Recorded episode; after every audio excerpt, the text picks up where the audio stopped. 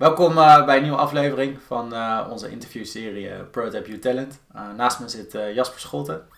Jasper, welkom. Dankjewel. waar kunnen mensen jou van kennen?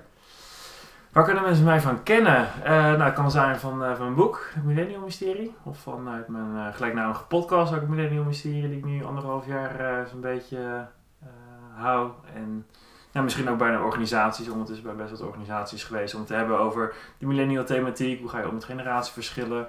Uh, nu ook bezig met een platform, persoonlijk ontwikkelingsplatform, Millennial Lift, wat ook steeds meer tractie begint te krijgen. Dus uh, misschien uh, een van die vlakken. Ja, maar als iemand je kent, dan gaat het vooral iets over millennials. Ja, dan wordt, er niet, wordt er wel heel snel in de millennial hokje gestopt. Ja, ja. ja.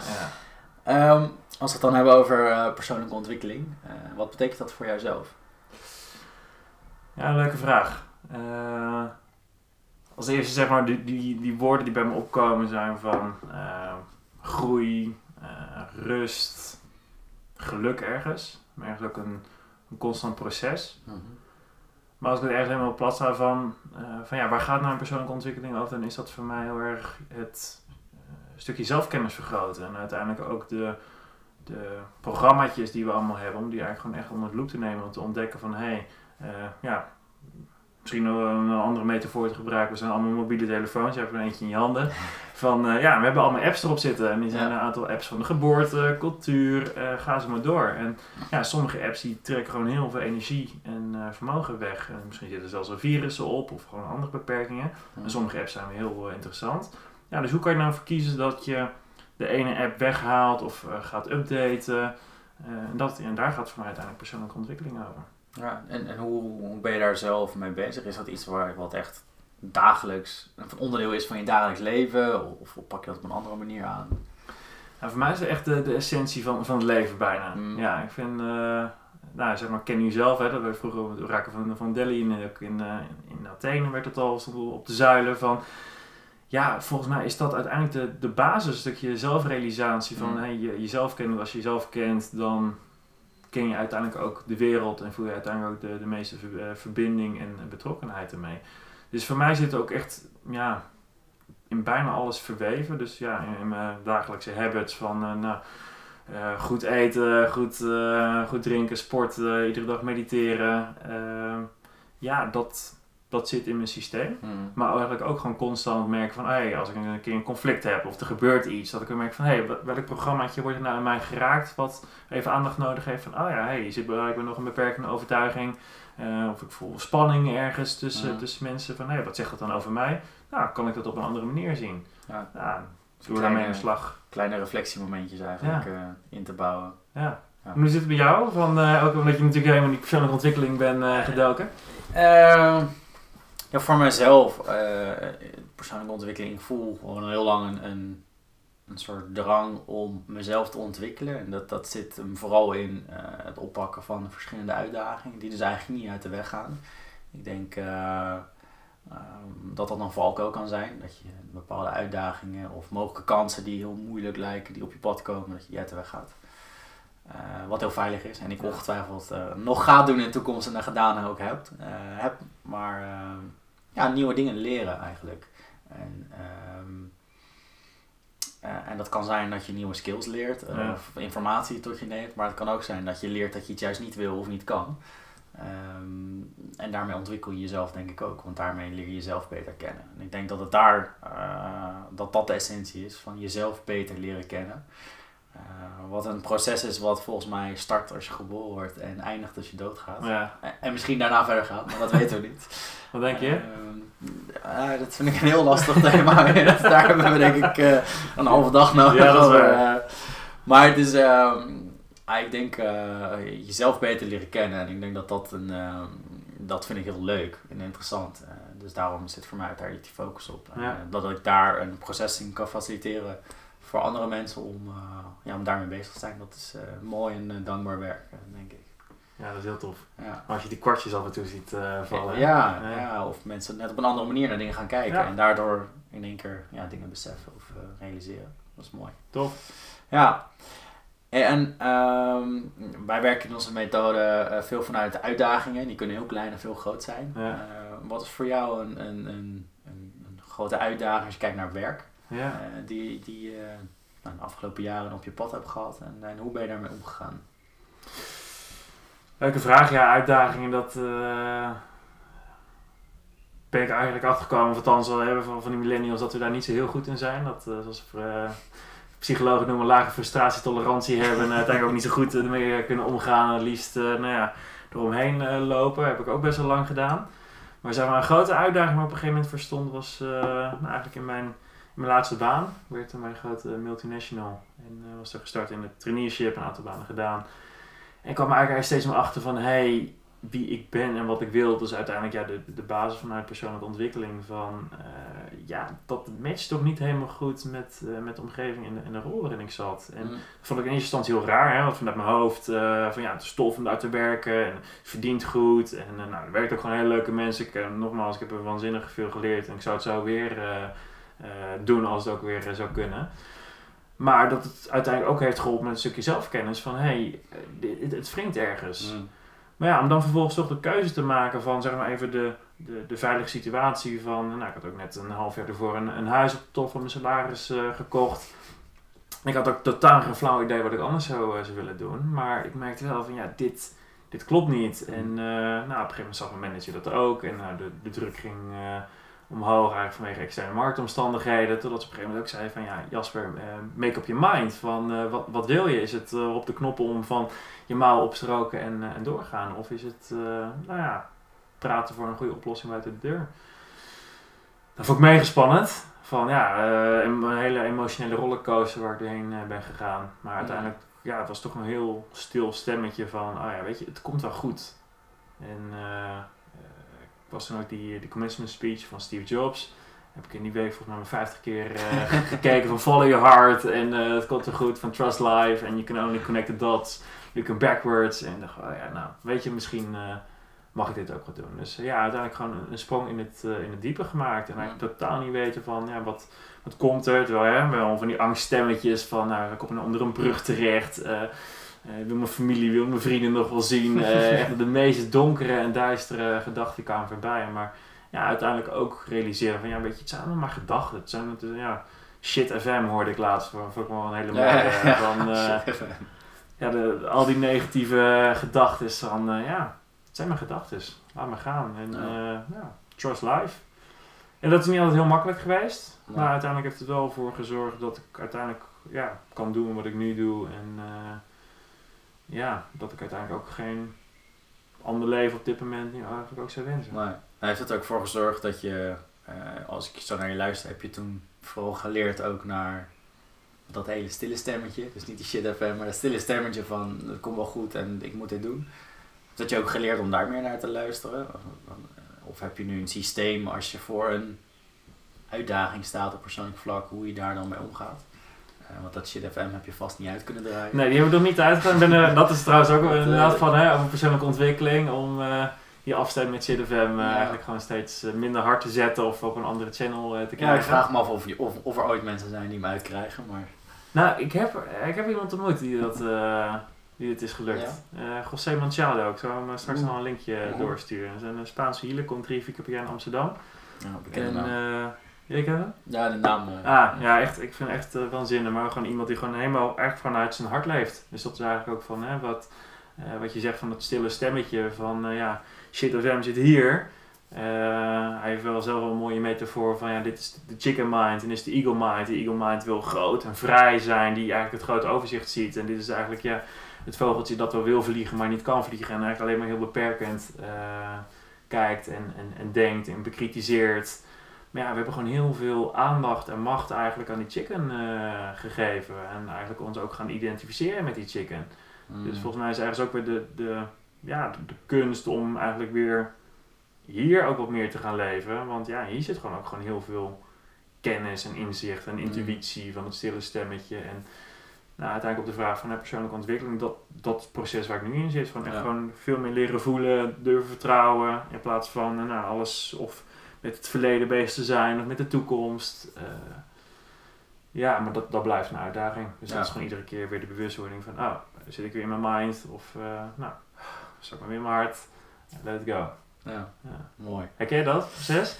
Ehm, Ja, nou ja, wat ik zei, ik denk, ik, ik vraag me ook af of, of, of je hem echt helemaal uit kan draaien. Ehm, ik denk dat je er heel goed mee kan leren omgaan. eh, en heel goed kan herkennen eh, wat in jouw, in jouw mooi voorbeeld, eh, wat die chicken of shit FM is en wat, eh, wat niet. Dus, dus, dus wat, is, wat is eerlijk, wat klopt, wat is waarheid. Ja. Ik denk dat je kan leren om daar meer, meer, naar, meer naar te luisteren. En, Maar zit de waarheid volgens jou dan, is dat een, iets mentaals of is dat dan je intuïtie? Of? Nou, ik, ik denk dat je uiteindelijk, in, als je het hebt over persoonlijke ontwikkeling, een onderdeel daarvan is beter kunnen eh, beoordelen wat je, wat je voelt of denkt. En Ja. vooral wat je denkt. Of dat, ehm, om in jouw metafoor te blijven, of dat, dat die shit FM is, of dat dat echt je intuïtie is en je Ja. gevoel is. En eh, ik, mis als ik naar mezelf kijk, dus, nee, dat is ik kan alleen naar mijn eigen shit FM luisteren. Niet naar Mhm. iemand anders, gelukkig. Het zou heel, heel lastig De cacophonie dan... eh, Ja, maar, maar eh, als ik naar mezelf kijk en hoe ik, hoe dat proces zie, is dat je steeds beter een onderscheid kan maken. En dat lukt niet altijd. Eh, maar daar zit juist die lering van ja, oké, dit is, voelt intuïtief goed. En ik maak heel veel keuzes op basis van mijn intuïtie. Maar dat betekent wel dat er af en toe ook nog gewoon allerlei ruis doorheen komt. ja. Eh, wat dan twijfel geeft. En ehm, ja, dan is het uiteindelijk aan jezelf. En hoe beter je jezelf kent, hoe beter je kan inschatten. Ja, is dit, is dit die ruis? Of, is dit, of ben ik nu gewoon een beetje naïef, eh, positief aan het nadenken over iets? Ja. Dat kan natuurlijk ook. Ehm, en daar zit volgens mij een heel groot deel van je persoonlijke ontwikkeling. Wat ik, eh, waar, wat ik eerder zei, als je jezelf beter leren kennen. Ja. en dan kan je daar een onderscheid in maken.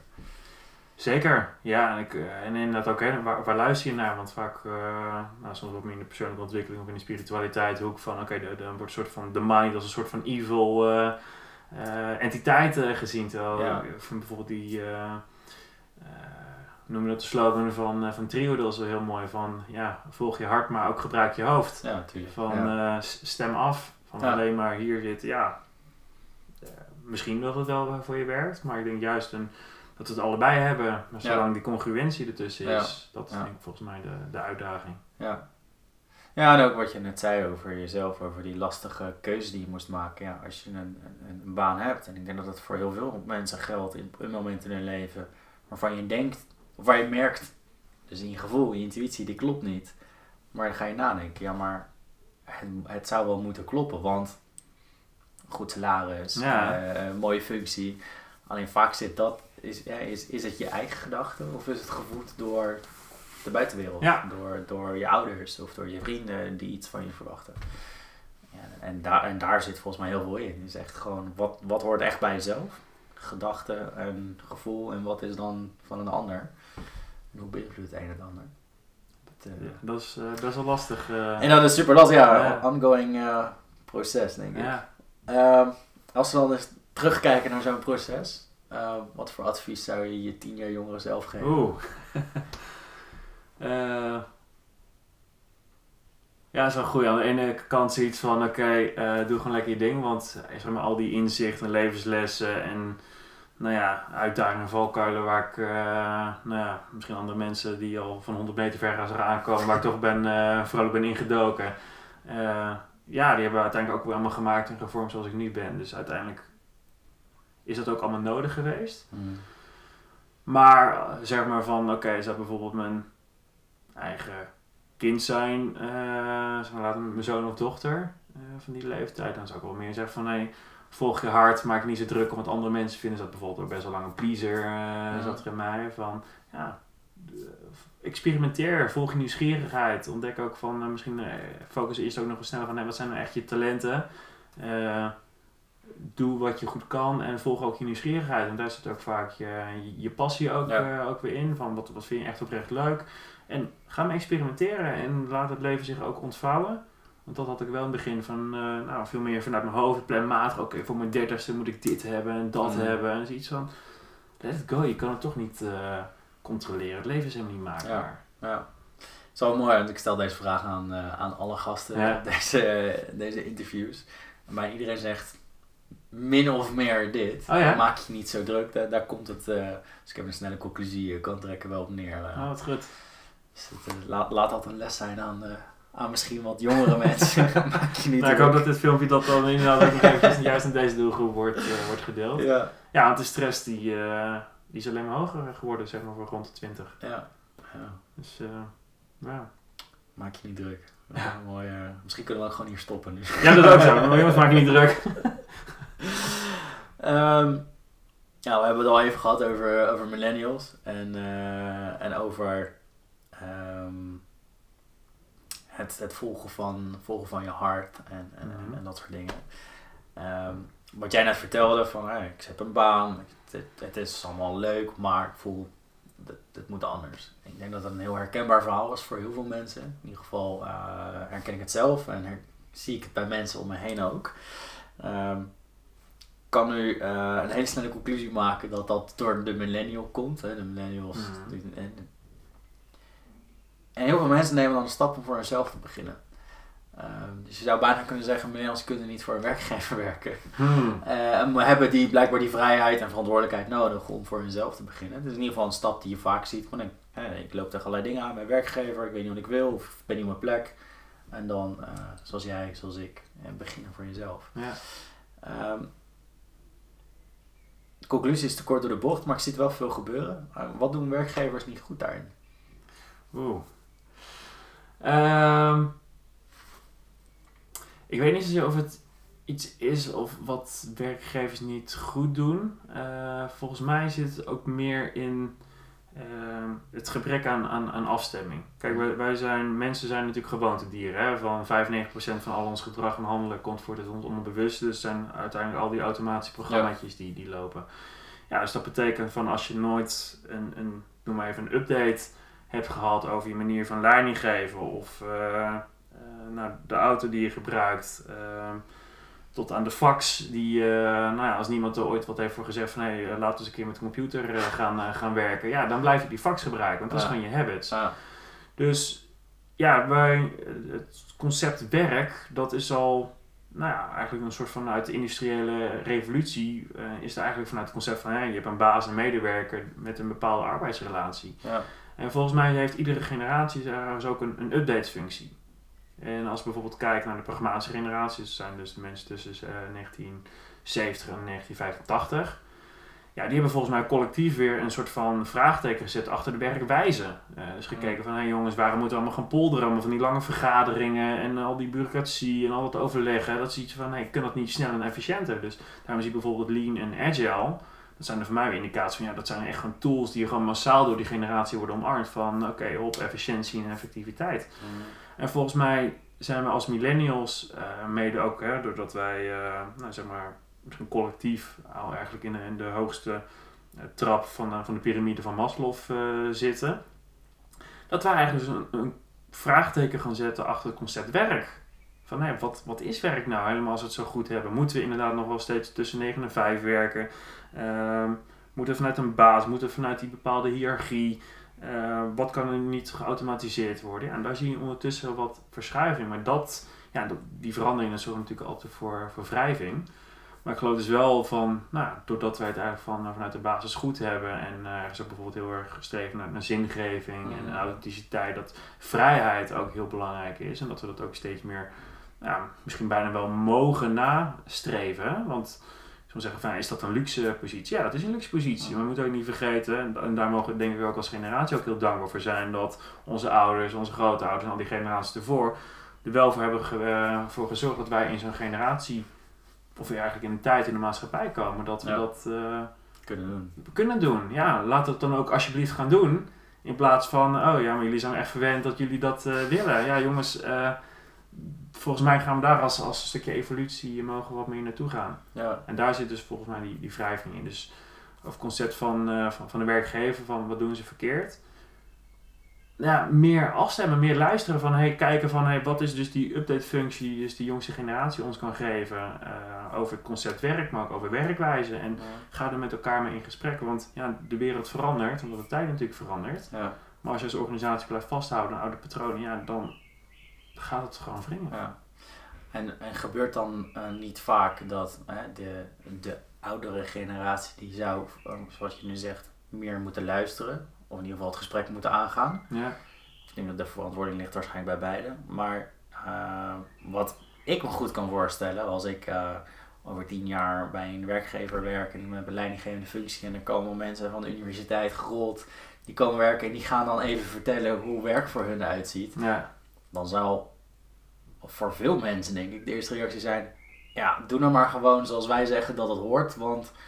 Leer eerst maar werken ook. Ja, je, je, hebt, je hebt daar geen ervaring mee. En, uh, dat lijkt me een lastige, lastige spanning. Dat, dat is het. En dat is ook een heel mooi uh, woord wat je zegt. Het is ergens een spanningsveld. En waar veel in mijn lezing en adviesdirectie bij organisaties ook zit. Van, ja, je hebt eigenlijk twee uitersten hè, van bedrijven en dan met name uh, van, vanuit de oude generatie van hey, de, de millennials, de jongste generatie, moet zich aanpassen aan ons. Hè, van te, te stikken of, uh, of schikken. Van ja. Uh, ja, laat anders maar. Maar je hebt ook bedrijven dus die vanwege de, een organisatie die vanuit de hoge verzuim en verloop weer zoiets hebben van hey, wij gaan echt helemaal naar die millennial pijpen dansen. Maar beide uitersten zijn niet goed. Het zit dus heel erg in die afstemming. Dus hey, wat kunnen we van elkaar leren zonder dat je inderdaad je, je eigen uh, nou, waarden en behoeften ook verlogent. En dat is uh, nou ook iets waar ik met, ik ben nu met een beetje het tweede boek bezig, Millennial Sweet Spot. Van ja, hoe vind je nou dus die, die unieke afstemming? Dat je wel zeg maar de, de organisatiebehoeften, nou volgens mij allemaal te verpakken onder een kopje resultaten. Ja, en werkplezier. Uh, dat is volgens mij een beetje de, de verkapping eigenlijk van alle medewerkersbehoeften. En of het nou financiële vergoeding is, of ontwikkeling, of zingeving. Uh, volgens mij valt allemaal onder het kopje daar. Hoe zorg je uiteindelijk voor die afstemming. Ja. En dan, ja, als je op de sweet, uh, sweet spot zit, dan is de weerstand het uh, laagste en eigenlijk de effectiviteit en slagkracht het grootste. Dus ja, dat is de uitdaging. Ja, en wat kunnen millennials uh, vooral leren als je het hebt over werken en ontwikkelen van generatie X, hebben we het ja. volgens mij over? Dat zit volgens mij eigenlijk ook echt in het stukje doorzetten en doorgaan. Van, uh, door onze nou, korte aandachtspannen, onze instant gratification, uh, die lage frustratietolerantie waar ik het eerder over had. Van, ja, dat zorgt uiteindelijk dat we niet zo goed uh, met tegenslagen om kunnen omgaan. Als het even niet leuk is, dat we snel de handdoek in de ring gooien. Omdat het idee van, oh, bij het andere bedrijf, het gas is aan de andere kant, ik ga daar maar naartoe. Mm. En soms af en toe gewoon echt even doorzetten. Dat stuk hebben wij nog niet goed genoeg geleerd. En uh, nou, voor, ook voor de leidinggevenden die uh, nu kijken naar dit uh, filmpje van... Ja, als je denkt dat de millennial erg is, wacht maar af tot generatie Z. nou ja, de, de arbeidsmarkt op komt met, met de curlingouders van, die ja, ja, helemaal vakkundig al het gras voor de voeten van hun kinderen hebben weggemaaid. Ja, die, die frustratietolerantie is nog lager. dus dat millennial 2.0. Ja, in bepaalde zin zeker, ja. ja dus, dus dat is ook gewoon een transitie. Ja. Dus daar volgens mij vanuit een werkgever wat meer aandacht op, uh, op richten. Dat, ja. uh, dat kan een hoop gaan helpen. Wat, wat zou je als uh, leidinggevende kunnen doen? Hè? Je, je, je zegt van oh mooi denk ik. Het stukje doorzettingsvermogen dat kan geleerd worden van kunnen de millennials leren van en, de generatie X. Ja. zodat ze niet snel de handdoek in de ring gooien en opgeven misschien in, bij die werkgever en naar een ander gaan of nou, in een bepaald pad zitten naar uh, het ontwikkelen naar een bepaalde functie toe en dat dan maar stoppen. Ja. Uh, als leidinggevende wil je dat denk ik voorkomen, uh, want je haalt niet voor niks mensen binnen, dus die hebben een bepaald talent. Wat, uh, wat zijn praktische dingen die je kan doen om ervoor te zorgen dat je die millennial, we blijven lekker generaliseren, ja. aan je blijft binden en hem dus kan bieden waar hij naar zoekt, zonder helemaal naar die pijpen te gaan dansen, want dan zit je weer aan de verkeerde kant van het uiterste. Ja. Ja, dus dan kom je eigenlijk terug, uh, of hoe ik het zelf ben gaan zien van uh, als je dus die, zeg maar, de twee uiterste behoeften hebt, hè, van je hebt de werkplezier van de millennial en de resultaten vanuit de werkgever. Nou, dat kunnen allemaal verschillende soort van subbehoeften zijn. Nou, ga je nu even eerst kijken van hey, wat zijn nou de, werkbehoeften van millennials? Nou, is dat salaris? Nou, voor veel millennials komt het onderzoek is het niet. Er zit veel meer op zingeving, ontwikkeling en, en werksfeer. Nou, ga eens kijken van op welke manier je dat nu als organisatie doet en eigenlijk ook kunt gaan verbeteren. Dus dat betekent ook gewoon echt een dialoog aangaan en gaan vragen, gewoon echt actief gaan vragen van hey, wat zijn je verwachtingen en behoeften uh, rondom bepaalde thema's. En nou, vervolgens uh, de vraag van oké, nou hoe zie je de situatie nu? Dan kan heel makkelijk van, nou, geef een cijfer van, uh, van 0 tot 8. dus eigenlijk de eerste mooie vraag is te stellen van hey, hoe belangrijk is deze behoefte voor je? Nou, is dat bijvoorbeeld een 8? Nou, in hoeverre wordt het al gerealiseerd in de praktijk? nou, misschien een 5. Nou, oké, die vijf, wat voor resultaat uh, komt daar nu uh, uit als je dat als werkgever doet? Wat was de impactschaal? Nou, zeg dat nu een, een 7 is. Nou, wat kunnen we ervoor zorgen dat als er dus toch wat meer wordt verschoven dus in die behoeften van, de- van de medewerkers. Ik eh, visualiseer dat zelf op de x-as. Hoe kan je ervoor zorgen dat die impact minimaal 7 is, het liefst nog hoger? En dat is volgens mij waar dus die sweet spot eh, onder andere over gaat. Van, ja. dat je toch met elkaar mee gaat bewegen van hey, dat de impact, dus de resultaten, eh gewaarborgd wel, maar dat het de beleving van, vanuit de medewerker toch het idee van hé, hey, ik eh, kan hier toch mijn eigen werkbehoeften wat meer eh, beter vervullen. En tegelijkertijd voorkom je dus eigenlijk ook mee dat een stukje dus de hoge verwachtingen die millennials hebben, omdat je gewoon echt proactief gaat, gaat navragen Ja. van hey, wat, wat denk je, wat, wat zijn je behoeften? En ze daarin eigenlijk ook ondersteunen. Dus een ander laatste praktische ding is van focus ook veel meer op feed forward in plaats van feedback word. Mm. Van eh, ja, ga kijken van vraag bijvoorbeeld van hey, eh, komende maand, wat, eh, wat zijn je doelstellingen, wat zijn je plannen, wat zijn je deliverables? Nou, ben je dat van plan om aan te pakken? Nou, oké, nou, hoe zou je dat doen? Nou, geef je daar als een soort van meer coachend leiderschap eh, feedback op. Mm. Nou, dan kan je daarna kort nog even stilstaan. Hè? Feedback, nou, hoe is het eh, gegaan? Maar ja, vaak wordt nog gefocust op feedback, wat veel meer gaat over het verleden en de negatieve kant. Ja, hoe kan je ervoor zorgen dat je de medewerker juist empowert, positief naar de toekomst eh, gericht? Dat geeft vaak ook veel meer werkenergie. Ja, ja. Klinkt eigenlijk heel makkelijk. Ga het gesprek aan, kijk waar de behoeften aan liggen en Ja, ga daar dan het gesprek over. Ge- gebeurt dat dan te weinig? Of- Dat gebeurt eh, helaas te weinig. Ja, Ja, soms verbaas ik me ook van, jongens, volgens mij is het helemaal geen, geen, geen rocket science. Maar dat heeft dus voor enerzijds te maken met, nou zeg maar even de prestatiedruk, werkdruk. We zijn allemaal heel druk druk, waardoor we eigenlijk dat soort tijd voor dat soort gesprekken niet vrijmaken. En dat heeft het tweede eigenlijk dus weer mee te maken, dus met die programmaatjes die in ons zitten. Van ja, we doen het altijd zo, dus ja, je, je werk is vaak gewoon één grote routine. Dus eigenlijk ook dus dat je eigen werkgedrag ook als leidinggever onder de loep nemen. Van oké, hé, maar waarom neem ik hier geen tijd voor? Terwijl het misschien ergens wel belangrijk is, ook voor je eigen gemoedsrust. Eh, maar blijf ik toch op dezelfde manier doorgaan, omdat ik eh, misschien vier of vijf jaar geleden al deed. Dus daar zit volgens mij ook vanuit eh, nou, de persoonlijke ontwikkeling ergens Mm. ook weer een, een mooie vraagteken om eh, jezelf als leidinggevende te stellen. Ja. Ja. Is, is de ruimte bieden, faciliteren van ontwikkeling voor millennials een van de ingrediënten tot succesvol samenwerken in binnen de, of tussen de verschillende generaties? Dit, Eh, voor veel millennials wel, hè? Van, eh, we moeten ergens generaliseren. Als we bijvoorbeeld kijken naar het millennial onderzoek 2018. eh samen met onder andere uit Bron de Koning en Careerwise zijn gewerkt. 3300 Nederlandse millennials gevraagd van hey, wat zijn je top energiegevers. Dat kwam, nou, een kwart van alle millennials van alle ondervraagden, die zei gewoon als eerste van oké, ontwikkeling vind ik het belangrijkst. Dus ja, dat speelt voor heel veel. Eh, vaak zien we dan wel van eh, nou, dat, dat werkgevers vaak weer professionele ontwikkelingen, competentieontwikkeling aanbieden. Maar terwijl we hebben nagevraagd van oké, maar wat bedoel je, wat vind je nou het belangrijkste aan ontwikkeling? Dan komt bijna twee derde die zegt persoonlijke ontwikkeling. Van Ja. wat zijn mijn talenten? Hoe eh, kan ik mijn veerkracht verder verbeteren? Dus ook daarin van dat stukje veerkracht, omgaan met tegenslagen. eh, ja, dat is iets wat we gewoon nog niet goed genoeg hebben geleerd. En als je dat als werkgever gewoon wat beter kunt faciliteren, ja, dan geloof ik echt dat je veel meer die eh, bevlogenheid en betrokkenheid Ja. creëert. Ja. maar is niet meetbaar. Het kan wel. Ja? Ja, ja ik heb wel ondertussen een paar eh, organisaties die dat helemaal kwantitatief kunnen onderbouwen. Daar ben ik ook steeds meer mee aan het samenwerken. Maar dat ja, het blijft natuurlijk gewoon iets subjectiefs. Dus dat, eh, Ja, dat de, de, als je kijkt naar, eh, je gaat naar een training, je haalt een bepaald certificaat. De return on investment. Ja. En eh, is, dit wordt tastbaar en, en een soort van nou ja, veilig ingekaderd. Van, je gaat naar een toonaangevend met iets en je, je leert daar iets. Ja, Een soort van garantie. De vraag is natuurlijk of dat echt zo is, maar zo, zo voelt het natuurlijk vaak wel.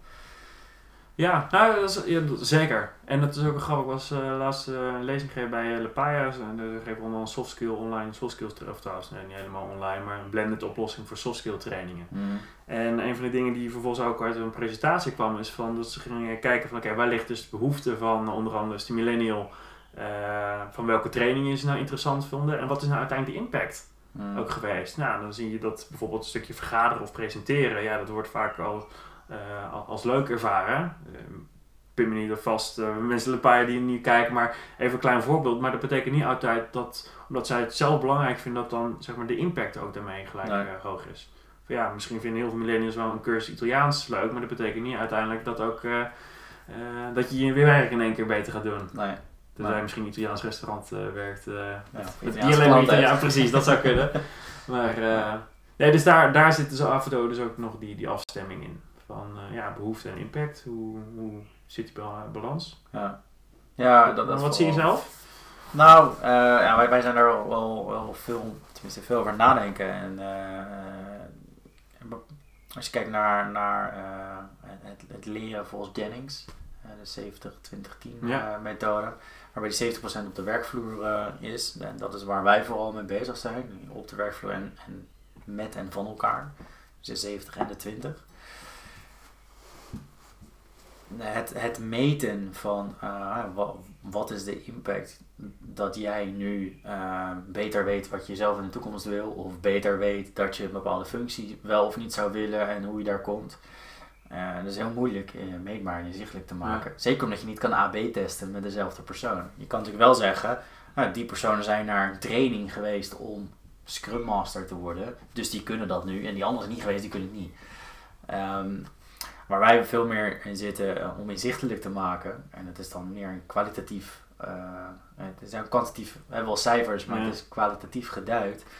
Is dat je het, het vermogen tot leren kan inzichtelijk kan maken. ik denk dat mm. dat super belangrijk is. Dat mensen, en je toont een bepaald reflectief vermogen aan en mensen die bepaalde inzichten krijgen doordat ze op zoek zijn naar die leerpunten. Dus eigenlijk naar, het is eigenlijk een vies woord om te gebruiken, maar naar falen. Dus die grenzen op te zoeken en uh, daar, daar zit natuurlijk veel, veel lessen. Mensen die daar continu mee bezig zijn en wat je net ook zelf aangaf van hè, wat ga je de komende maand doen. Wij werken met, met cyclussen van twee tot vier weken kleine stapjes vooruit. En ja, dan gaat het A om hoeveel stapjes definieert men en doet men. Ja. Uh, maar daar haal je natuurlijk lang niet anders uit. Maar het gaat dan vooral om wat zijn dan die inzichten. En wordt, wordt dan de volgende stap. En uh, je kan niet iemand afrekenen op, je had gezegd dat je vijf acties ging doen, je hebt er maar één gedaan, is niet goed. Het gaat om wat is de inzicht ook van dingen die je niet hebt gedaan bijvoorbeeld. In ieder geval in de manier waarop wij werken dat je iets niet doet, heeft dat, dat heeft een reden. En als je erachter komt wat die reden is, dan, heb je, dan leer je ook heel veel van. Mooi. Dus het, het lerend vermogen kunnen we daarmee wel eh, inzichtelijk maken en meetbaar maken. En ook dus vergroten. Dat, ja. hè, dat in het begin mensen... En daarmee ook vanuit gaan dat zeg maar, een zelfreflectief vermogen, dat het ook een voorspellende waarde is van over de, de groeipotentie van de persoon. Ja, als jij... Uh, als jouw leervermogen wordt vergroot, dus jij beter gaat begrijpen hoe je op kleine met kleine stapjes vooruit kan gaan. En uh, kan weet hoe je kan leren van wat je wel of niet hebt gedaan. Buiten, eh, je kan iets gaan, een actie ondernemen, een gesprek met iemand aangaan en dan, nou, daar is een output uit. Daar leer je wat van. Uh, maar als jij met jezelf hebt afgesproken en met iemand anders, ik ga Jasper Scholte interviewen. Stel dat ik dat afgesproken had. En, Stel, ja. en, en, en, en, en, maar vervolgens neem ik geen contact met jou op. Nou, dan kan je zeggen, stom, eh, dat is niet goed. Uh, maar dan zou je terug moeten gaan. Maar waarom heb je nog geen, heb je niet uh, contact opgenomen? Ja. Daar zitten heel veel redenen in. En misschien had je er geen tijd voor. Veel te, veel te druk met andere dingen. Dan, hè, dan moet je gaan kijken, kan ik wel goed prioriteren. Ja. Zo kom je steeds verder bij waar gaat iets dan niet goed? En waar kan je dan in leren? En misschien durfde ik helemaal geen mail of telefoontje naar jou te sturen om ja, omdat ik dacht, ga ik met de millennial expert spreken. En, en dat, dat, dan, uh, dat dat dan lastig voelt voor mij. Nou, mm. hoe kan ik ervoor zorgen dat ik die drempel overkom om het wel te doen? Dus zo kom je uh, door heel iteratief te werken tot de kern van wat je, waar je, zit, uh, je ontwikkeling zit. Uh, en dat houden we bij, dus, dus dat kan je dan inzichtelijk maken. En, uh, zien wij als mooie input van uh, het traditionele functioneren of woordingsgesprek. Heel tof. Dus ja, je kan laten zien, zo heb ik me ontwikkeld. Dit heb ik allemaal gedaan en geleerd. En dit heb ik allemaal niet gedaan en dat heb ik ook wel geleerd. Ja, maar want hoe doen jullie het dan in het begin dan zeg maar met, dus met een nulmeting en dan dus een eindmeting aan de, bijvoorbeeld dus na die vier weken? Uh, ja, ja, in het proces, we hebben zes stappen. En uh, de vierde stap is het opstellen van een actieplan op basis van een uitdaging die te maken heeft met je ambitie. Uh, en die ambitie moet in lijn zijn met wie jij zelf bent. Even een hele snelle vogelvlucht. stimuleren mensen om vijf acties te benoemen die ze binnen twee tot vier weken, afhankelijk van hoeveel we hebben afgesproken binnen de groep, kunnen afronden. Dus echt dat je ook gewoon het zo opschrijft dat je weet wanneer je het hebt afgerond. Uh, en na die periode uh, komen we bij elkaar en uh, hebben we daar een manier van evalueren. Om vervolgens met die inzichten er weer een volgende stap te kunnen zetten. En dat proces herhaalt zich gewoon ja, eindeloos eigenlijk. Dus het kan zijn, dezelfde uitdaging nog steeds aanwezig. Ik heb dingen geleerd, ik ga dingen wat anders doen. Of ik moet gewoon nog meer acties gaan uh, doen. Of kom erachter dat ik niks heb gedaan. Blijkbaar vind ik het niet belangrijk. Dus andere actie pakken. Of nou, zo zijn het altijd nog redenen om te vinden. Uh, en zo blijf je eigenlijk continu uh, zoeken en sturen. En je continu ontwikkelen. Zonder dat je meteen een training van 10.000 euro uh, laat aanschaffen door je werkgever om erachter te komen dat je toch eigenlijk niet leidinggevende wilde worden. Ja. Je kan het niet of je vindt het helemaal niet leuk. En, dus om dat eerst in kleine stapjes al prototypen, ja, maar prototype view experimenteren om, om te leren. Ja, ik geloof uiteindelijk dat dat inderdaad ook de snelste en beste manier is van, van leren. Van uh, hè, ervaren. Ja, ja, met name dus dat. korte uh, stapjes, ja. ja. Ooit een mooie, ik weet niet meer van wie de quote was. Het heeft niet zoveel met leren en werk te maken. Maar het was van, uh, ja, als je het geld hebt om een Ferrari te kopen, ga er eerst een, eentje huren. Ah. Om te ondervinden of je er wel elke dag in wil rijden. Of dat het gewoon niet zo lekker rijdt, maar wel heel tof is. Dus dat je er één keer per jaar eentje huurt. Ah, een is paar mooi, ja. Dat, dat met die filosofie een beetje um, in gedachten ja, ga eerst iets proberen voordat je echt een grote stap neemt. Ja. Uh, en erachter komt dat die stap niet goed was. Dat, uh, en dat haalt hopelijk ook een stukje angst weg. Voor, uh, voor mij de, de stap die jij in het begin van het gesprek gaf. Van ja, ontslag nemen bij, ja, vanuit je gouden kooi eigenlijk wegstappen. Dat, dat is één. En, ja, dat is wel grappig. Ik heb hiervoor bijvoorbeeld ook nog een tijdje nog, nog gecoacht. Heb ik op een gegeven moment mee, gestopt. Ehm, een van de dingen, hè, van ook als uh, coaches bij me kwamen inderdaad vanuit een loopbaanadvies van oké, okay, wat, wat, wat wil ik gaan doen, wat, wat past bij me. Ja, kijk, ik weet bij mezelf, ik, soms moet ik gewoon hop, gewoon 180 graden het roer uh, omgooien en dan gewoon iets gaan doen om te gaan kijken. Ja. Uh, een ander vond ik ergens ook wel een mooie metafoor. Dus, ja, net met, met basketbal van je mag geen second dribble doen. Dus je kan steeds een, een stapje doen, maar wel uh, inderdaad of verticaal of, of horizontaal. Ga maar eerst maar, maar kijken van ja, als je inderdaad nu een corporate job hebt en nou ja, is het zeg maar even tegenovergestelde uh, figuurzaag uh, in de Provence. Ja, ga je dat gelijk doen? Of ga je eerst kijken van, nou, misschien moet ik eens een keer inderdaad wat je zegt, een, uh, een cursus figuurzagen om te kijken of dat wel leuk vind. En vind je inderdaad de Provence uh, Ja. heel leuk. En ja, misschien kom je inderdaad achter in plaats van op dat je alles vergooit. Ja. Ja, ja, en het hangt heel erg van een persoon af hoe groot en klein experimenten moeten zijn. En, Ja. eh, en sommige mensen, daar zal het niet zo voor werken. Die moeten gewoon in één keer gewoon, eh gooi gewoon het roer om. En ik zie wel, en anders kan ik altijd weer terug. Ja, als je dat vertrouwen hebt, dan heb je ook niet per se, denk ik, die angst te overwinnen van, is het dan wel goed? Ehm, als je het een keer ervaren hebt, dat je daarop kan vertrouwen natuurlijk. Ja, maar ik vind het trouwens wel leuk hoor. Je hoort nu het woord experiment en eigenlijk ook wel hè, wat je eerder zei van een stukje persoonlijke ontwikkeling. Het is een uh, ongoing proces. Is het leven dan voor jou ook een experiment? Een groot experiment? Nou, dan gaan we wel heel filosofisch. eh. Ehm, nou, ik zou niet zo kunnen zeggen één groot experiment, want dan zou ik niet kunnen vertellen waarvoor ik dan aan het experimenteren ben. Ja, als je dan helemaal aan het einde van je leven zou moeten kijken, dit heb ik geëxperimenteerd, nu weet ik wat ik moet doen. Ja, dat, dat, dat is in ieder geval zo, kijk ik er dan naar. Ehm, maar het leven zit wel vol heel veel experimenten denk ik, ja. En eh, ehm, ik denk als je op die manier kijkt naar, ehm, naar, naar bepaalde zaken, dat je dan eh, sneller... Ik, ik heb een... Het, dat dromerige plaatje van die digital nomad, dat zit al jaren in mijn hoofd. Ja. En eh enorm millennial, denk ik. en ehm nou, dat zit ook vol met aannames. En eh, het blijft in mijn hoofd zitten. Ik ben, vorige maand ben ik 2,5 weken heb ik in Noord-Spanje eh, gezeten. Ik surf graag. Ik heb ook bijna elke dag gesurfd. En daar gewerkt. Ehm, deels ook om eens te kijken, hoe is dat nou eigenlijk? Ja. Want ja, stiekem denk ik, iedereen die dit wil of gaat doen, is heel erg op zoek naar het vakantiegevoel. Terwijl die aan het werk is. Ja, ik kom er nu achter. En dat was ook de aanname die ik had. Dat is dus niet zo. Hmm. En de mensen die een vakantiehuis in het buitenland kopen, die denk ik dat vaak ook een reden is van hey, ik voel me hier altijd zo lekker. Ja, dat komt omdat je vakantie hebt. Maar als je er woont is het heel anders. Eh, nou, ja, dat was ook een experiment om, eh, om eens te kijken hoe dat is. En, eh, zo kan je veel dingen, uit- dingen uitproberen, denk ik. Maar wat betekent nu zeg maar de uitkomst hiervan?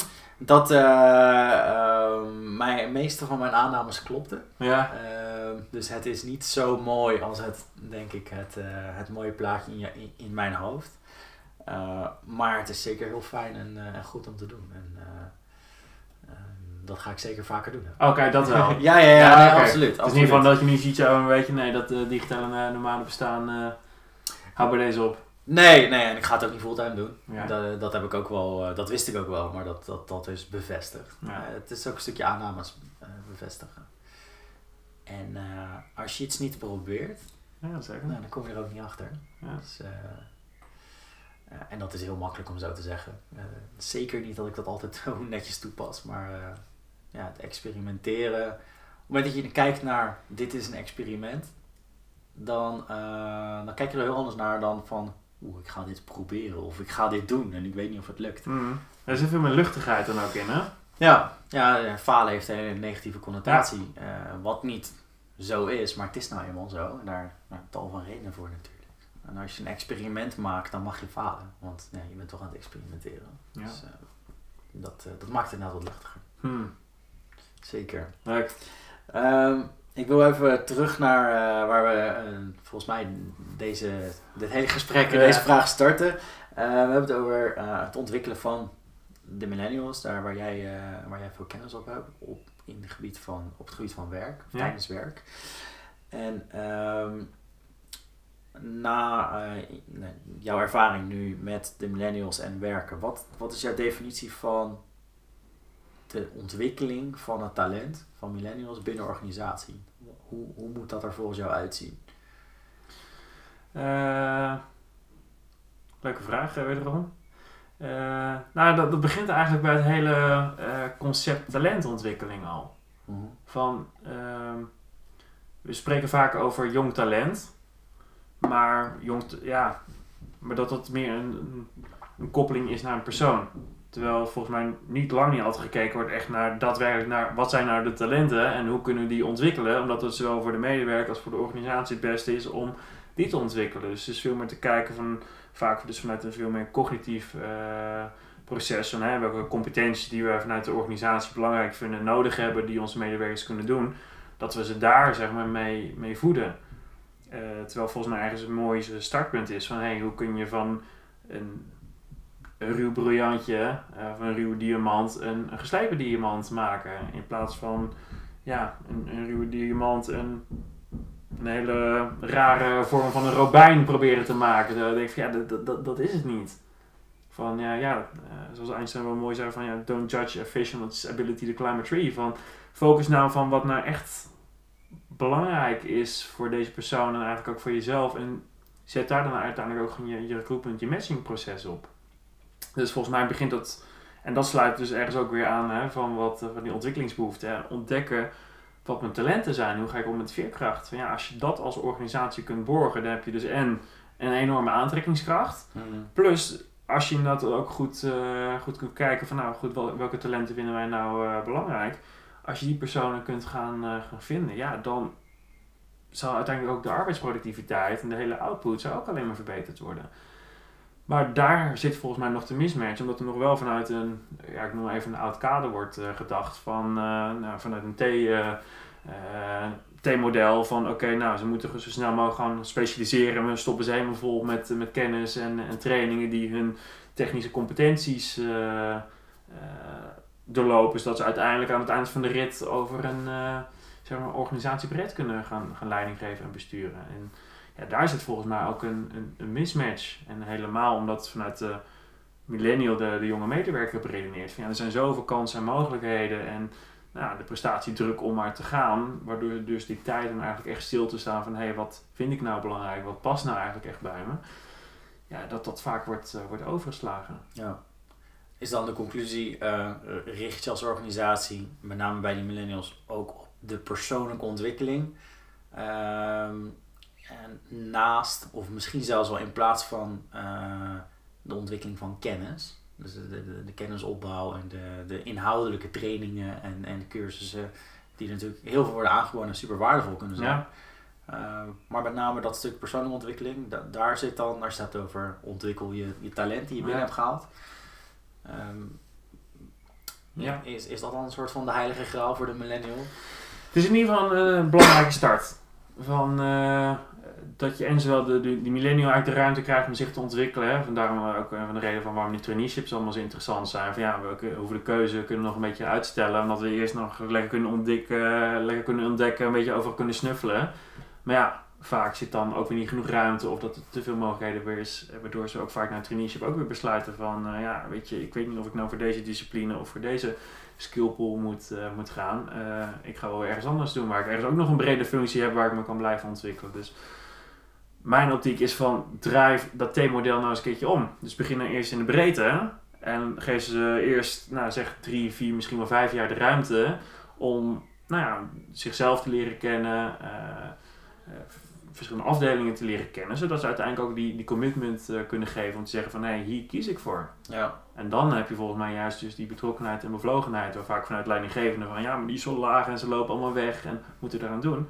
Ja, geef ze die, die, die ruimte, want ik heb ergens wel echt ideeën, qua cijfers kan ik nog niet helemaal hard maken, maar er zit ergens ook wel een hele duidelijke loyaliteit in. Uh, in heel veel van ons. En ik denk gewoon als ieder mens, dat er niet uh, millennial specifiek voor, uh, hoeven te zijn. Maar ja, als er een stukje commitment is van heel duidelijk is van oké, dit, uh, dit wil ik, ja, dan gaan we er ook 110% voor. Omdat dat volgens mij deels ook weer gevoed wordt van hey, dat, dat brengt me geluk, dat is, verklaart een stukje zingeven en ik kan ook mijn authenticiteit goed te plaatsen, maar eigenlijk echt de millennial behoefte.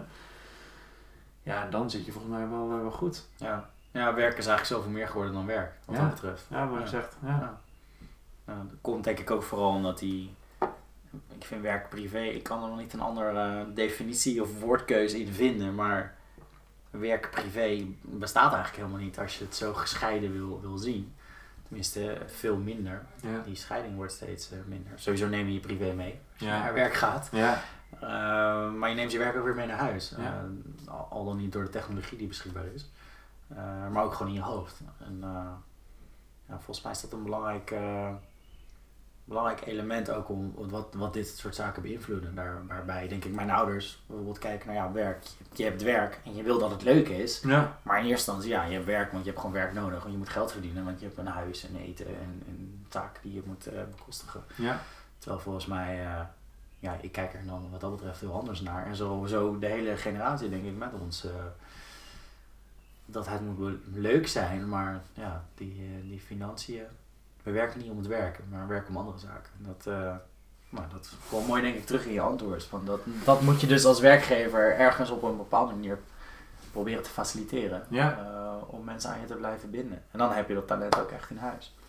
zeker. Ja, maar ik denk ergens ook breed, hè, verder dan, dan de jongste generatie, als we ook kijken van hey, hoe kan nou iemand echt excelleren van, van een zesje of een zeventje echt die, die negen worden. Ja, dat is inderdaad focus op talenten. Uh, wat ik in het begin zei, met, met verschillende apps, ja, er zijn heel veel programmaatjes in ons systeem. Uh, of het nou vanuit de familie is, of uh, de cultuur of andere omgeving. Ik noem het even een trauma. Trauma is natuurlijk altijd een heel beladen woord, maar iedereen heeft ze. Mm. Maar die mogen vaak niet zijn. En daardoor vinden we het soms raar van, oké, als iemand heel boos of emotioneel wordt, in plaats van te kijken van, hé, hey, maar laten we eens kijken naar de oorzaak. Ja. Dus ook dat stuk persoonlijke ontwikkeling, en ik noem maar even traumaverwerking in, in de breedste zin van het, uh, van het woord, van dat daar misschien ergens ook wat meer aandacht en erkenning voor mag zijn. Van hé, hey, als we dus die stukken gaan oplossen, ja, dan ontstaat er zoveel meer ruimte en, en, en lichtheid en bewegelijkheid ook op mensen. Waardoor ze uiteindelijk ook veel meer energie en focus kunnen hebben op het werk. En dan kan je misschien zeggen hè, van ja, maar moet een werkgever dat faciliteren? Uh, nee, het, ergens niet. Hè. Het, is- het is de verantwoordelijkheid van, eh, van de medewerker. Maar als je het niet doet, dat betekent ook dat die persoon misschien nooit een negen kan worden. Omdat er dus altijd zo'n programmaatje is die eh, die persoon altijd terugtrekt. Omdat er altijd is die, die negatieve lading die er ergens in dat systeem ook nog zit. Dus volgens mij daar ook wat meer ruimte dat ze zeggen, van, nou, op je, terug, op je eerdere vraag van nou, hoe zou talentontwikkeling echt mogen uitzien. Ja, dat daar zeg maar een hele Ja. geen, eh, ja, organisatiebreed ook naar gekeken mag worden. Ja, ja, het is wel mooi dat je dat zegt. Eh, ik denk dat heel veel mensen het wel eens zijn met de uitspraak: eh, het is een leven lang leren. Ja, Uh, maar er zijn wel instituten die dat moeten faciliteren. En we hebben uh, de eerste 20, 25 jaar van ons leven hebben we school. die Daar de verantwoording uh, voor neemt en moet nemen. ja. Maar daarnaast weg. Ja, In ieder geval, daarna zou een werkgever die rol over kunnen nemen. Ja, ik denk dat dat is een interessante discussie of die dat moet of dat hij het kan overnemen. ja. Uh, maar zo naar jou luisterend en eh, als je veel millennials in dienst hebt, zou je het komt kom er eigenlijk niet aan om dat eh, te gaan doen. Om, om dat verder het leren en ontwikkelen ook echt daadwerkelijk te gaan faciliteren. Zeker. Maar ik geloof ook juist vanuit een duurzaam inzetbaarheidsperspectief. Hè, van, ja, ik kom regelmatig in organisaties eh nou weer echt de tendens is van nou weet je als je net de 60 bent eh, gepasseerd of eind 50 bent dat mensen echt nog zeggen ah weet je ik hoef nog maar 7 jaar. Ja. Ze echt aan het zijn. Maar ik denk 7 jaar. Verrekelijk. Gewoon Ja. uitzitten, gewoon het idee van naar je pensioen alsof het dan een soort van tweede leven begint. Mm. Ja, volgens mij dan ben je echt gewoon geestelijk al aan het aftakelen als je zo in, in staat. Hoe kan je ervoor zorgen dat je die, die, die, die energie, die werkenergie hoog houdt? Nou, deels hè, door, door die afstemming van, ja, misschien herken je het ook eh, als je een nieuwe auto hebt of, eh, nou, heb zo geen auto, veel millennials volgens mij ook niet, maar of een nieuwe relatie of er- je hebt of een nieuw huis. Er is gewoon weer nieuwe energie. Mm. Ja, hoe kan je dat ook in je organisatie creëren? Ja. Zodat mensen ook weer leuk vinden om eh, te blijven groeien, te blijven doen. In plaats van, oh ja, ontwikkeling hoort alleen in je eerste, vijf en, eh, je eerste tien jaar, zeg maar tot je 35ste. En alleen voor de high potentials hebben we nog een management development eh, traject. Ja, misschien mogen we daar ook eens een keer van afstappen. Van, hé, hey, laten we dat voor iedereen toegankelijk hebben. Zodat iedereen die, die werkenergie blijft voeden. Ja, ja, helemaal eens. Leren en werk. Leren en ontwikkelen is, eh, is voor iedereen op Ja. de werkvloer. Dat, eh, Ja. Ehm, ik heb hier eh, natuurlijk al mijn vragen voorbereid, maar we hebben, we hebben heel veel al eh, doorlopen. Ehm, stel, er luistert, kijkt iemand hiernaar die, die werkt in een organisatie, eh, eh, geeft leiding aan, eh, aan veel millennials of heeft een bedrijf waar veel millennials werken. Ja. Als je daar een praktische tip aan moet geven, ehm, waarmee moeten ze morgen beginnen en waarmee moeten ze morgen stoppen? om om een, een betere werkplek te zijn voor die generatie. Stop met denken dat je weet wat ze willen. En start met vragen waar hun behoeften liggen. En Ja. dan eh, dus terugkomen dus weer op dat afstemmingsproces. Van, eh, dat betekent dus niet voorop eh, ga je hele systeem aanpassen naar hen. Dus ga niet eh, naar die millennial pijpen dansen. Maar ga in, in gesprek. Want ook, dat zie ik ook nog wel eens regelmatig. Dat is voor mij ook een van de grootste valkuilen die er zijn. Van dat ze, dat zie ik regelmatig van, met name door HR, maar ook leidinggevenden, ja, die, die zien al, hebben allemaal verschillende millennial boeken gelezen of, of onderzoeken. En die zien ook van, nou Jasper, ik heb dit en dat van je gelezen. Nou, ik heb het zo gedaan. Ja, en ze willen het nog steeds niet. Maar ik zeg, ja, eh, de millennial bestaat niet.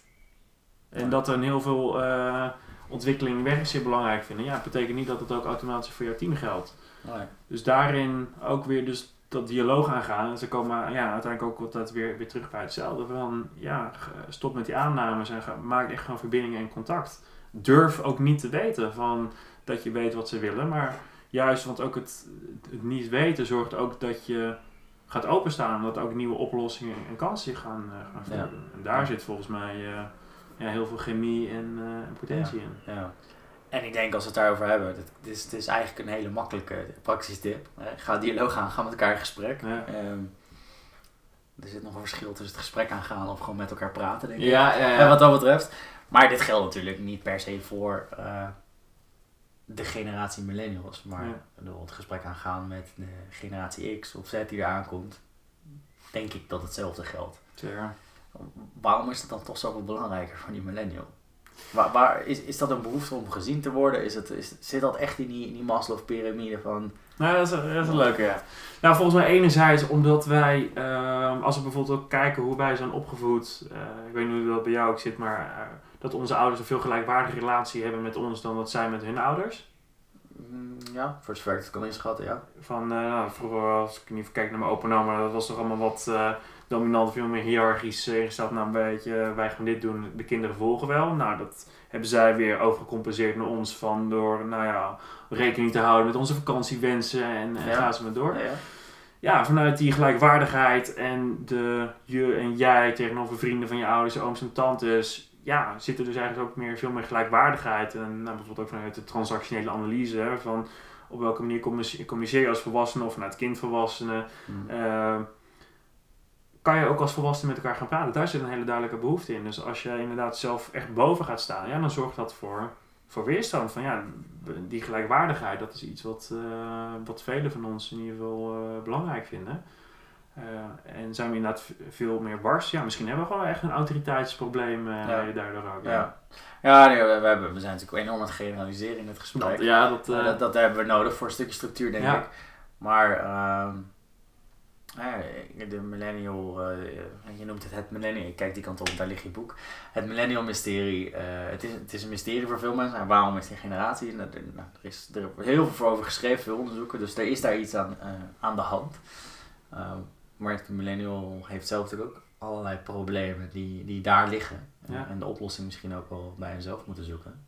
Dat is misschien wel een belangrijke notitie is richting de generatie X. Dat het, ze hebben het wel veroorzaakt, maar... nou, het is wel interessant hoe dat uh, zo... Uh, uh, mensen hebben er zo verschillende meningen over. Ik weet niet of dat, dat ook dat tegenkomt. Hè? Van ja, ja die, die, geven snel op, ja. willen niet luisteren naar leidinggevende, het autoriteitsprobleem. En ze moeten nog van alles leren tot aan ja, help. Nee, zeker. Maar dat is ook echt een van de dingen waar ik in mijn lezingen, uh, mijn publiek uh, zit veel, veel bij organisaties waar dus vaak het verzuim en het verloop hoog is. Of dat er iets aan de gang is met uh, dat een generatiekloof is. Um, maar waar, waar ik eigenlijk mee naartoe wil bewegen, van hey jongens, het gaat niet van, hè, er wordt vaak gezegd over millennials van ze zijn lui en verwend en kunnen niet tegen een stootje. Maar volgens mij gaat het niet zozeer om de, de schuldvraag, wat je nu zegt, maar veel meer om de hulpvraag. Dus veel meer om het begrip van, hey jongens, oké, deze generatie is het product van hun opvoeding en nou, van de context van de wereld waarin ze zijn opgegroeid. Ja, Beide kunnen ze heel uh, weinig aan doen, dus het is een gegeven. Dus ja, je kan ook wel uh, met vingers gaan wijzen naar die omgeving van de opvoeding. Heeft geen zin, we kunnen het ook niet meer ongedaan maken, maar nee. het begrip ervoor zorgt dat ze wel de hulpvragen beter kunnen gaan formuleren. Ja, heel mooi. Het is gewoon een gegeven. Ja. Het, het, het, is gewoon, het is gewoon zo. En we moeten er op een manier, iedereen, uh, een vorm van vinden om daar goede vorm aan te geven. En de goede dingen eruit te halen. Want merk jij dat zelf ook uh, bij jullie in, in, de organisatie waarmee je werkt, dat die, die generatiekloof speelt en dat ook vanuit leidinggevende. Mm. Nou, nou, nou, nou, wij zijn zelf ooit begonnen met, met echt, echte focus op die uh, misschien wel bijna stereotype millennial. Gaan we echt een enorme generalisatie. Maar het dertigersdilemma, van daaruit zijn we eigenlijk gestart. Uh, maar het vrij snel losgelaten omdat we de, de, de behoefte om op een manier te ontwikkelen of de hulpvraag van hé, hey, ik, ik, zit met allerlei uitdagingen uh, of ik wil ergens naartoe of ik weet niet waar ik naartoe wil met mijn leven en ik wil dat wel uitvinden. Ja, dat is niet in de hok millennial te stoppen. Uh, dus wij, wij hebben dat wat meer losgelaten om, uh, om daar de verschillen in, in te zoeken en ook te bevragen. Uh, en het grappige is, als je, als je kijkt naar, je zegt van een groot verloop, dat zie je bij de millennials. En, en dat is zeker iets wat, wat, uh, wat bij organisaties een vraag is en waar wij een stuk in kunnen faciliteren, juist om die persoonlijke ontwikkeling, dat proces te kunnen laten faciliteren door de organisatie, waardoor je dus wat meer uh, kans hebt om ze aan je te binden, degene die je wil gebonden houden. Maar aan de andere kant zit er, wat je net ook al benoemde, die generatie X, die al heel lang uh, heel loyaal is aan de werkgever, en, maar daardoor ook een soort probleem veroorzaakt. Want wil zich misschien niet meer verder ontwikkelen, maar ja, door de technologische verandering, de wereld verandert Moeten ze ook wel. supersnel. Ja. dat is echt cliché, maar ja, zitten werkgevers daar ook mee in de maag van ja, maar die, die die mensen die, die hebben enorm bak aan ervaring en kennis en skills, maar uh, ja, zit wel vast. Zit vast in die gouden kooi.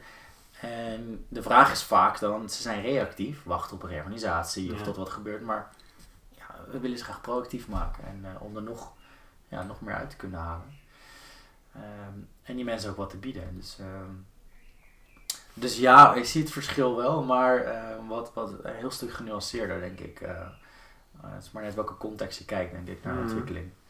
Uh, wat voor ons wel heel belangrijk is in, in de trajecten die wij ingaan met medewerkers, is dat ze er zelf voor kiezen. Ja. omdat wij heel erg uitgaan van die autonomie, eigen keuzes, ontwikkelen vanuit je eigen talenten. Waarin mensen ook soms zien we gewoon verkeerde afslagen nemen, maar omdat we iteratief werken, komen ze toch alweer terug. maar als je iemand neerzet en door ons stappen heen haalt die daar geen zin in heeft, dan is het een verloren tijd en energie eigenlijk. Um, en het is zeker niet dat alleen millennials dan zich gaan inschrijven. Dat uh, gelukkig niet. Hmm. Ehm, ik wil naar, eh, naar de laatste vraag eh, toe. Er zijn een aantal vragen die we aan iedereen Ja, stellen. we zijn volgens mij eventjes bezig ook. Ja, eh, ja, daarom, maar dan de eh, instantie gepland. Misschien moeten we gewoon een deel 2 eh over een tijdje gaan doen. Of we draaien de rol om. Dat kan natuurlijk ook. leuk. Ehm, wat, een lekkere millennial vraag, maar waar, waar liggen jouw ambities? Hoe ziet jouw, jouw toekomst eruit? Waar wil je naartoe? Ehm, ik heb nog een hoop dromen en, en plannen. Eh wat ik net zei, even op korte termijn eh, mijn tweede boek. Dus, eh, de Millennial Sweet Spot. Ja. Ook rond de zomer Zomer? dat die, dat die af is.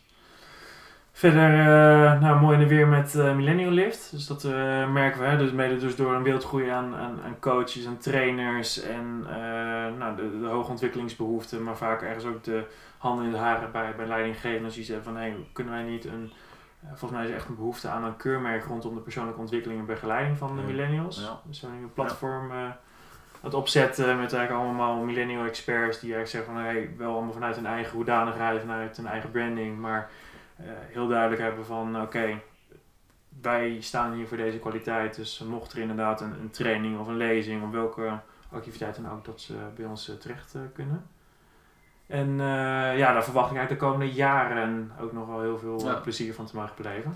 En blijf je focussen op de millennial generatie of komt er ook een eh, generatie Z mysterieboek Eh, of sweet spot? Ja, dat is een goeie. Nou, uiteindelijk komt het volgens mij heel veel op, het, op hetzelfde neer. Ehm, kijk, voor mij is millennials dus eigenlijk een, een aanleiding om het over een onderliggend thema te hebben. Of althans, dat was van, van mijn eerste boek, is de Millennial Mysterie. Ehm, Generatie Z heeft het ook. En volgens mij die afstemming is iets, iets generieks. Dus wat daarin staat kan ook heel makkelijk voor de volgende generatie worden eh, gezet. Ja. Maar toen ik zeg maar, hier vier jaar geleden mee begon, had ik zoiets, nou, ik ga het 2,5 jaar doen. En dat vond ik al heel lang. Van, eh weet je, met die de korte aandachtspannen. En nou, misschien moet ik het een jaartje doen om te kijken of het bevalt. En iedere, ieder jaar maak ik weer de balans op van, oké, ga ik hier eh, nog mee door. Ja. En, maar ik zie ergens dat het hele bewustwordingsproces, dat, dat eigenlijk nu de laatste drie jaar pas een beetje heeft plaatsgevonden. Dat nu steeds meer organisatie beseft van, hé, hey, eh, hoe zit het met de generatie, we mogen hier iets mee. En dat nu steeds meer naar de vertaalslag gemaakt wordt van, oké, maar hoe doen we het dan? Dat is veel meer de hoe-vraag. Ja, Ja, en daar zie ik de komende jaren nog heel veel eh, ja. Uitdagingen en eh, kansen in. Dus je ziet dat veel organisaties gaan nu maken een shift van het vingertje wijzen naar elkaar naar oké, het, is, het is nou eenmaal zo. Ja. Wat gaan we hiermee doen? Ja, en ook veel vanuit de leidinggevende en vanuit HR. Van oké, maar hoe, gaan we, hoe mogen we onze organisatie nou gaan inrichten? Hoe kunnen die verbindingen? Hoe ziet Ja. leiderschap eruit? En eh, dat eerst begrepen was van, eh, of onze besef van, eh, oh ja, we, mogen iets. En dan is het nu van, oké, maar hoe dan? Hoe dan? Ja. Ja. ja. Mooie Dus dat, vraag. eh, Moeilijke vraag, maar eh, Ja, maar goed, dat spelen jullie natuurlijk ergens ook op Ja. van nee, met de. Dus dat, eh, nou, ook een mooie, eh, volgens mij ook van, vanuit jullie perspectief een hele mooie... ja, en ik denk dat het steeds belangrijker wordt. De technologie gaat steeds meer overnemen. dat. Maar, maar dit stuk blijft, eh, wordt misschien daardoor zelfs nog wel belangrijker. eh. ja. Ehm, hoe kunnen mensen jou vinden en waarvoor mogen ze je benaderen? Waarvoor mogen ze mij benaderen? Eh, nou, laat ik zo even uh, via mijn website. Kan uh, jasper-scholten.nl uh, Mijn podcast kan je vinden op uh, Spotify. Apple Podcast heet dat volgens mij tegenwoordig. Uh, YouTube nog niet. Dat, dat, dat gaat nog wel komen. Uh, via Instagram het Millennium Mysterie. uh, en persoonlijk ook meer Jasper Scholten ben ik te vinden. Ja, voor ze kunnen benaderen, nou dat kan eigenlijk voor alle samenwerkingsvoorstellen, sta ik altijd heel graag voor open. Maar mocht ze een keer een leuke lezing of training rondom de millennial thematiek kan dat. En ook millenniallift.com. Dan zien ze hoe dat zich gaat vormgeven. Wil ik het ook met jou ook nog eens een keer later nog over gaan hebben van hey, hoe kunnen we dat uh, ja. zeg maar gaan, gaan integreren. Dat lijkt me heel tof. Laten we dat zeker doen. Ja. En dankjewel voor je tijd. En, uh, en voor de uitnodiging. Gesprek. Ja. Leuk gesprek. En uh, we gaan het gesprek wel een, een andere keer voortzetten in, in deze vorm, denk ik. Dankjewel. Dankjewel. Cheers. Ja, ook een uurtje.